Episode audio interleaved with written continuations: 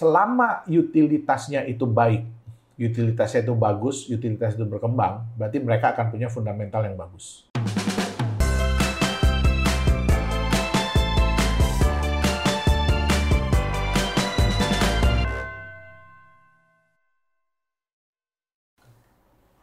Teman-teman, hari ini kita akan membahas mengenai bagaimana cara memilih cryptocurrency yang bagus untuk Anda trading atau Anda simpan jangka panjang. Oke, kita kembali lagi dengan Pak Yohanes. Pak Yohanes, Ya. uh, ada nggak sih cara-cara untuk memilih kripto yang sehat? Oke, jadi eh, kalau kita bicara secara global ya coach ya, yang paling penting adalah kita harus tahu dulu ini aset ini ada fundamentalnya nggak? Ada fundamental. Nah, gimana caranya Nah. mengetahui fundamental dari cryptocurrency yang from nothing itu? Ya, oke. Jadi tetap yang kita harus pelajari adalah konsepnya. Ya. Ya, masuk di akal atau tidak. Kita mudah nggak mengerti. Hmm. Kita mudah nggak mengerti kenapa kripto ini suatu saat akan bernilai. Hmm. Jadi dia bisa punya value, ya. Yang lebih bagus lagi tentu saja kalau kripto tersebut ada intrinsic value-nya, ada Iya. nilai dasarnya sendiri Ya. yang dikandung. Itu lebih bagus lagi. Nah, kita bisa lihat utility coin, ya, utility asset. Kenapa mereka bisa bagus nilainya? Kenapa mereka bisa berkembang nilainya? Karena fundamental mereka adalah utility-nya. Ya. Ya. Dipakai lah ya. Betul, dipakai. Ya. Nah, selama utilitasnya itu baik, utilitasnya itu bagus, utilitas itu berkembang, berarti mereka akan punya fundamental yang bagus. Iya, iya. Tapi kadang-kadang ini pun nggak cukup. Hmm. Kenapa nggak cukup? Kenapa saya bilang nggak cukup untuk menilai ya, coach ya? Kenapa? Karena kebanyakan, kebanyakan developer ini menjual aset kripto sebelum Ya. utility ini ada, Betul. sebelum utility ini ada. Nah, bagaimana kita bisa menilai? Ya, ini kira-kira bisa nggak ini? Ya, kita harus lihat dulu ini masuk di akal atau tidak Iya. ya. Nah, pertama kita lihat dulu eh, developer ini bentuknya apa? Hmm. Apakah dia perusahaan atau dia grup atau dia Yayasan. anonim? Nggak jelas Iya, siapa, Iya. gitu loh. Nah, kalau memang mereka itu berniat untuk mengembangkan, ya, mengembangkan eh, asetnya ini secara terus-menerus, tentu saja mereka pasti sudah mempersiapkan pondasinya ya, yaitu apa? Oke, kita bikin badan hukum, kita Ya. bikin perusahaan. Nah, terus kita harus lihat lagi di mana badan hukum ini berada Hmm. ya, di mana badan hukum ini berada. Karena ya kita tahu ya coach ya, sekarang kan banyak yang namanya shell companies tuh. Betul. Nah, itu mudah sekali dibuat. ya, bahkan dengan mungkin uang kurang dari 15 juta aja kita udah bisa punya perusahaan di luar negeri. Hmm. Ya, dengan direktur yang entah siapa itu, ya kan, appointed directornya entah siapa, ya. Nah, jadi kita harus lihat ini legalitasnya di mana. Iya. Tuh. Terus kemudian seperti apa sih regulasi di negara tersebut yang mengatur tentang aset-aset kripto? Ada nggak regulasinya udah? Iya. Ya kan? Nah, terus kita harus lihat lagi eh, orang-orangnya di dalam, ya orang-orangnya di dalam. Nah, apakah orang-orang ini real atau enggak? Hmm. bisa kita lihat atau enggak. Ya, saya ada eh, ada beberapa kasus ya di mana itu semua orang-orang terkenal coach yang di yang di Yang muncul yang ya. muncul ya. Nah itu orang-orang terkenal yang muncul. Nah tapi failed Hmm. ya, tapi failed. Iya. Kita nggak bilang scam ya, Iya. tapi dia failed. Nah, itu kembali lagi kita nggak bisa cuma lihat orangnya, tapi kita harus lihat konsep dia, ya Iya. bisnis konsep dia. Jadi mau dibawa ke mana ini kripto? Utility-nya nanti seperti apa? Ya, Un- untuk kripto-kripto yang belum punya utilitas. Ya. Sebelum jadi dia udah udah ciptain eh, asetnya, baru dia ciptain utilitasnya. Ya. Nah, kita harus lihat utilitas ini masuk di akal nggak? Contoh, ada yang bilang begini, nanti bisa dipakai untuk pembayaran, bahkan sampai pembayaran tol Hmm. di Indonesia. Itu udah pasti nggak bisa. Ya. Ya, bahkan di Indonesia pun sebenarnya ya kita nggak bisa. Saya nggak bisa nih bayar coach pakai US dollar gitu, nggak bisa, nggak boleh. Ya, sekarang udah nggak bisa. Udah nggak bisa. Kenapa? Karena yang diterima hanya rupiah. Gitu. Jadi kita harus lihat dulu masuk di akal nggak. Ada yang bilang ini, nanti mau bikin mobil yang bisa terbang ke bulan gitu. Hmm. Nah, mungkin nggak itu terjadi? Ya, nggak usah terbang ke bulan, terbang Nah. aja dulu deh. Nah. naik naik satu meter gitu. kan? Tentu bisa. Nah, jadi kembali lagi, ini too good to be true nggak? Iya, iya, iya. Ini cita-citanya ini berlebihan nggak gitu loh. Oke. Nah, terus ya yang satu hal ya yang sangat kita sayangkan juga ya, transparansi itu belum ada di mana di dunia aset kripto. Terutama gini, kenapa sih kok failed? Kenapa proyeknya failed? Kenapa utility-nya failed? Nah, banyak developer kripto itu yang menciptakan FOMO Ya. pada saat menjual aset kriptonya. Ya, jadi biasanya kalau dulu coach dijualnya itu ada stage-stage-nya kan. Mm-mm. Hari ini dijual cuma 100 ribu di harga Ya, terus sekian. naik. Terus orang masuk masuk masuk mau beli nggak bisa. Ya kan katanya udah habis dalam waktu hitungan sekian detik. gitu. Hmm. Nah nanti dile- dilepas lagi sekian, Habis juga. habis lagi, dilepas lagi sekian, habis lagi gitu. Pertanyaannya, siapa yang bisa memverifikasi bahwa ini Itu beneran udah benar habis? habis, betul. Betul. Nah, tidak ada, ya kan? Jadi kalau sekarang kita mau bikin project dengan dana 10 juta dolar, kita bikin begitu, habis habis, habis tapi ternyata semuanya fake, kebanyakan fake, Ya, ya. hanya untuk menciptakan FOMO aja. Nah, terkumpul 3 juta dolar, Hmm.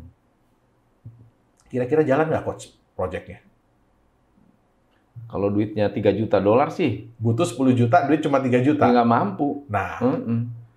habis jadinya kan. Terus kita lihat lagi, ya ada yang eh, biaya marketing yang di yang disiapkan untuk menjual aset ini jauh lebih besar daripada biaya dia untuk menjalankan proyeknya sendiri. Iya. Nah, apakah itu masuk di akal? Artinya apa? Dia lebih me- mengutamakan Image ya, branding ya. orang yang jualan coach. Benar. Karena orang yang Benar. jualan kalau dikasih dikasih komisi, luar biasa, ya kan? Itu aja rasa coklat coach, Betul. ya kan? Nah, jadi dia bukan mengutamakan daripada proyeknya sendiri. Iya. Itu udah kayak money game, Nah, the, the next money game Betul. sebenarnya. Nah, jadi kita sebenarnya paling utama adalah melihat konsepnya dulu. Iya. Ini masuk di akal nggak sih? Karena tujuan utama dari sebuah aset kripto adalah utilitas tetap. Betul. Mau dia itu stable, mau dia itu security, mau dia itu utility, tujuan utama, tujuan akhir dari sebuah aset kripto adalah utilitas, Iya. yaitu dipakai sebagai alat bayar. Oke. Nah, tapi kalau harganya nggak bisa dijaga, naik turun kayak roller coaster, ya atau naik turun terus tiduran, Iya. Terus Nah, lama nah gitu. lama banget. Nah, siapa yang mau berani menerima Bener. itu dia. Oke. Nah, Berarti kan kalau kan ada banyak sekali yang bilang bahwa kalau saya mau beli ya jangan beli ICO lah, beli Hmm. aja yang udah ada di coin market cap. Betul. Itu udah pasti jaminan. Bener nggak Hmm. sih? Sudah jaminan masuk coin market cap sudah Aha. sudah garansi pasti bagus. oke.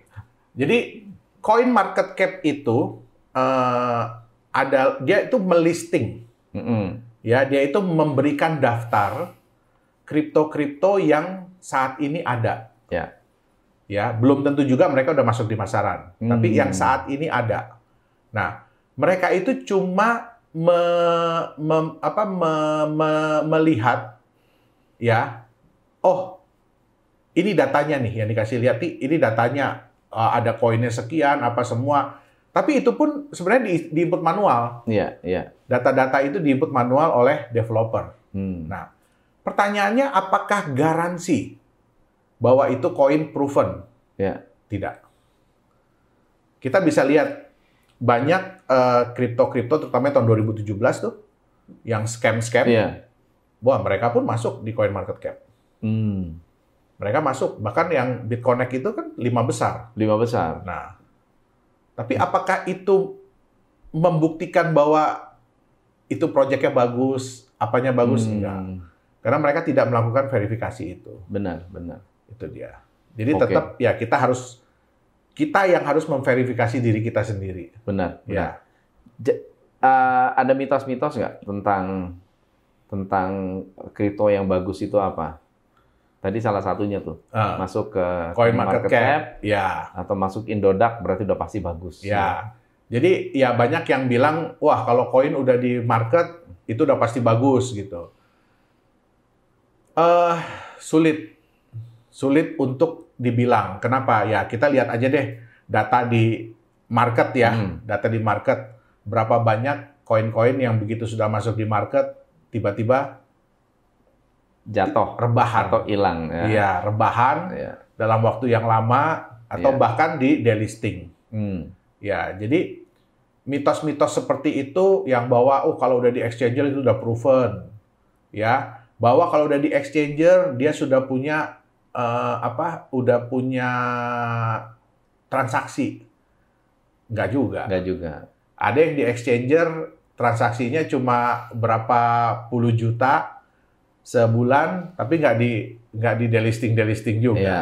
Iya. Nah, jadi ya sulit. Kenapa? Karena exchanger dan coin market exchanger itu hanya menyediakan tempat Iya. untuk kita menjual atau kita membeli kayak di pasar. Iya. Nah, ya apakah barang itu bagus? Hmm. Belum tentu juga. Benar, benar. Itu dia. Jadi Berarti Ya. tetap banyak kerja keras yang harus dilakukan untuk koin ini benar-benar eh, ramai ya, Betul. ya di diperjualbelikan. betul.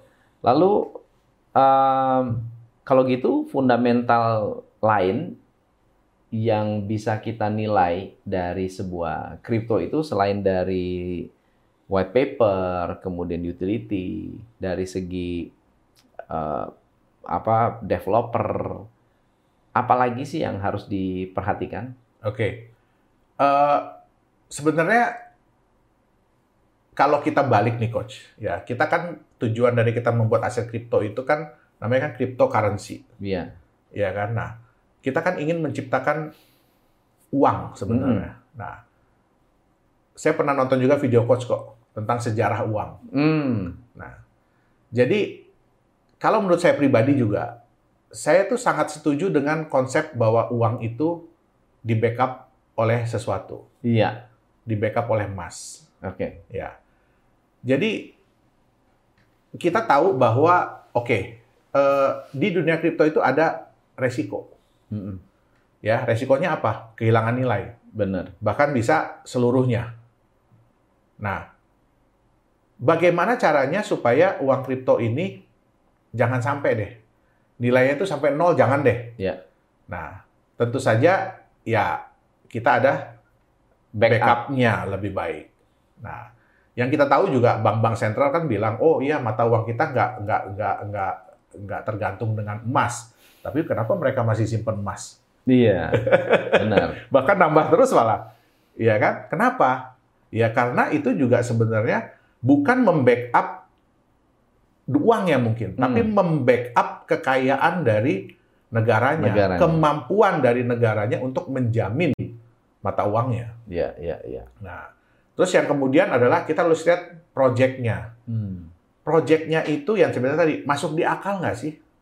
Ya, Ya, mungkin nggak sih proyek ini dilakukan? ada nggak sih eh, project yang bisa di verify Ya. Kan banyak sekali orang yang bilang, wah proyeknya wah akan begini, wah semuanya itu muluk-muluk banget, Betul, ya kan? betul, Muluk-muluk luar biasa, tapi tidak bisa di-verify. betul. Eh, ada nggak sih yang proyeknya bisa di-verify dan juga yang bersifat, let's say, on offline, bukan Ya, online, ada ya. nggak? Sebenarnya uh, ada, Hmm. ada. Nah, tapi ya karena aset kripto ini kebanyakan kan dikembangkan oleh orang-orang digital. Coach. Digital. Ya, jadi sayangnya kebanyakan ini proyek-proyeknya pun proyek-proyek digital. Oke. Tapi bukan berarti tidak bisa. Bukan berarti tidak bisa sebenarnya. Karena proyek itu kan kita bisa jalankan apa aja sebenarnya. Ya, Ya, untuk me- untuk menambah, meningkatkan eh, apa nilai value, value betul. dari si aset itu. ya, Kenapa? Kalau kita bisa memberikan jaminan, ya jaminan kenyamanan buat orang bahwa ini harga nggak akan fluktuatif, nggak Ya. akan nggak akan parah-parah banget naik turunnya. Terus kemudian juga kita bisa memberikan eh, nilai tambah dari waktu ke waktu, ya bukan cuma karena harga marketnya naik, Ya. tapi ada nilai tambah bagi koin ini sendiri, bagi aset ini sendiri. Saya yakin ke depannya utilitas itu akan terbentuk dengan sendirinya. terbentuk dengan sendirinya. Iya. Ya, ya, ya, ya. So let's say misalnya saya pakai US dollar sebagai backup. Ya, Ya, satu koin sama dengan satu US dollar. betul. Tetapi uang itu tidak hanya dipakai sebagai koin, tapi juga ada uh, bisnis yang dijalankan. Ya, Dan ternyata ketika bisnisnya untung, US dollarnya bisa bukan hanya dijadikan sebagai backup, tapi ditambahkan di dalam uh, per koinnya itu. Iya, itu betul. saya rasa akan juga membantu betul. orang untuk menyimpan. Betul. Jadi kalau di- jumlah backup ini bisa kita tambah, ya Ya, tentu saja kan ini juga akan eh, nilai marketnya juga pasti akan tinggi. Kenapa? Benar. Karena orang melihat potensinya ya, ke depan. Nah, problem dari stable coin karena mereka di backup one by one, satu banding satu, ya kan? Jadi eh, satu USDT itu nggak mungkin nanti di backup 1,1 US dollar, Hmm. 1,2 US dollar, 1,3 nggak. ya, Dia tetap hanya akan di backup oleh satu, US US dollar. Jadi harganya USDT ini pun nggak akan jauh-jauh dari satu US dollar. Ya. Biasanya cuma plus minus 1 sampai 2 persen itu aja. Koin-koin apa yang dipegang saat ini? Kebetulan ya kita ini dari Nagaya kan developer kripto coach. Ya, Tapi kalau saya pribadi, saya tuh hanya yang saya bilang saya hanya memining Bitcoin. mining Bitcoin. Ya, dan itu pun nggak saya simpen. Jadi Oh. begitu dapat hasil langsung saya jual, Jual. dapat hasil saya langsung jual. Itu dia. Oke, oke. Wah, Ya.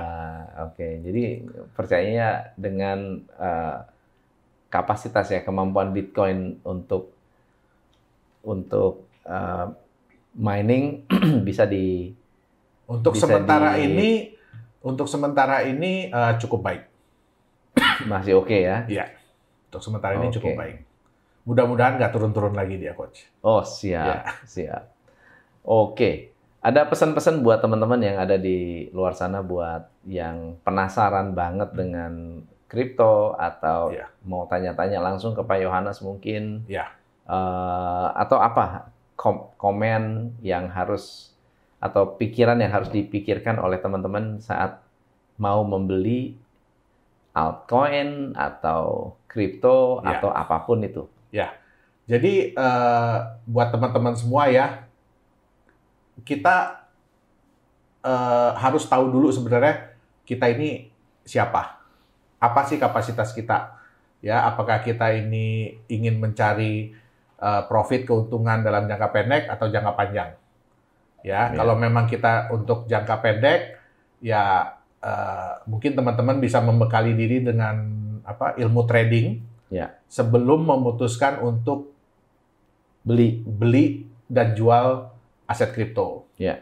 Nah, tapi bagi teman-teman yang ingin menjadikan aset kripto ini adalah aset untuk masa depan, jadi untuk jangka panjang, Ya. jangan keburu-buru, ya, jangan eh, gambling, Hmm. Tapi pelajari baik-baik ya konsep-konsep ini, apalagi yang mau beli koin-koin di ICO, pelajari baik-baik konsep dari dari uh, aset kripto tersebut. Nah, paling penting adalah ikuti kata hati kita. Hmm. Ya, Selain riset, selain ya. riset adalah ikuti kata hati kita. betul. Ya, ini masuk di akal nggak? Ini mungkin nggak bisa terjadi, ya kan? Semakin mudah Anda mengerti tentang konsepnya, semakin banyak orang juga akan mengerti. Benar. Ya, kenapa? Karena ke depannya yang dibutuhkan itu adalah permintaan yang akan meningkat. Meningkat. Ya, jadi kalau semakin orang banyak mengerti, permintaan ke depan, permintaan di masa depan pasti juga akan meningkat. Nah, jadi saran saya adalah jangan keburu-buru, pelajari baik-baik ya sebelum Anda memutuskan masuk di aset kripto. Itu dia. Atau Anda mau jadi miner juga boleh. Boleh. Ya, Boleh. banyak sekali sekarang eh, platform-platform yang bisa memberikan Anda kalau pengen belajar ya, Ya. karena namanya investasi itu tentu ada risiko, tapi kadang-kadang belajar terbaik adalah dengan melakukan kesalahan, Iya, betul. ya. Tapi Betul. ya harus diukur kesalahannya, Tapi- Dan jangan berulang. jangan diulang-ulang. Jangan Oh, diulang-ulang Oke, kesalahan. thank you, Pak Yohanes, Ya. thank you so much. Sama-sama. Ya, next time kita sharing-sharing Ya. lagi. Nah, kalau ada pertanyaan, tulis di komen, nanti saya akan kumpulkan. Uh, mudah-mudahan Pak Yohanes bersedia lagi untuk kita undang sharing tentang kripto. Oke, Siap. thank you Pak Yohanes. Thank you, Coach. Sampai ketemu lagi. Sampai ketemu. Next time, saya Tom MC Ifle, salam pencerahan. Hanya di Top Coach Indonesia.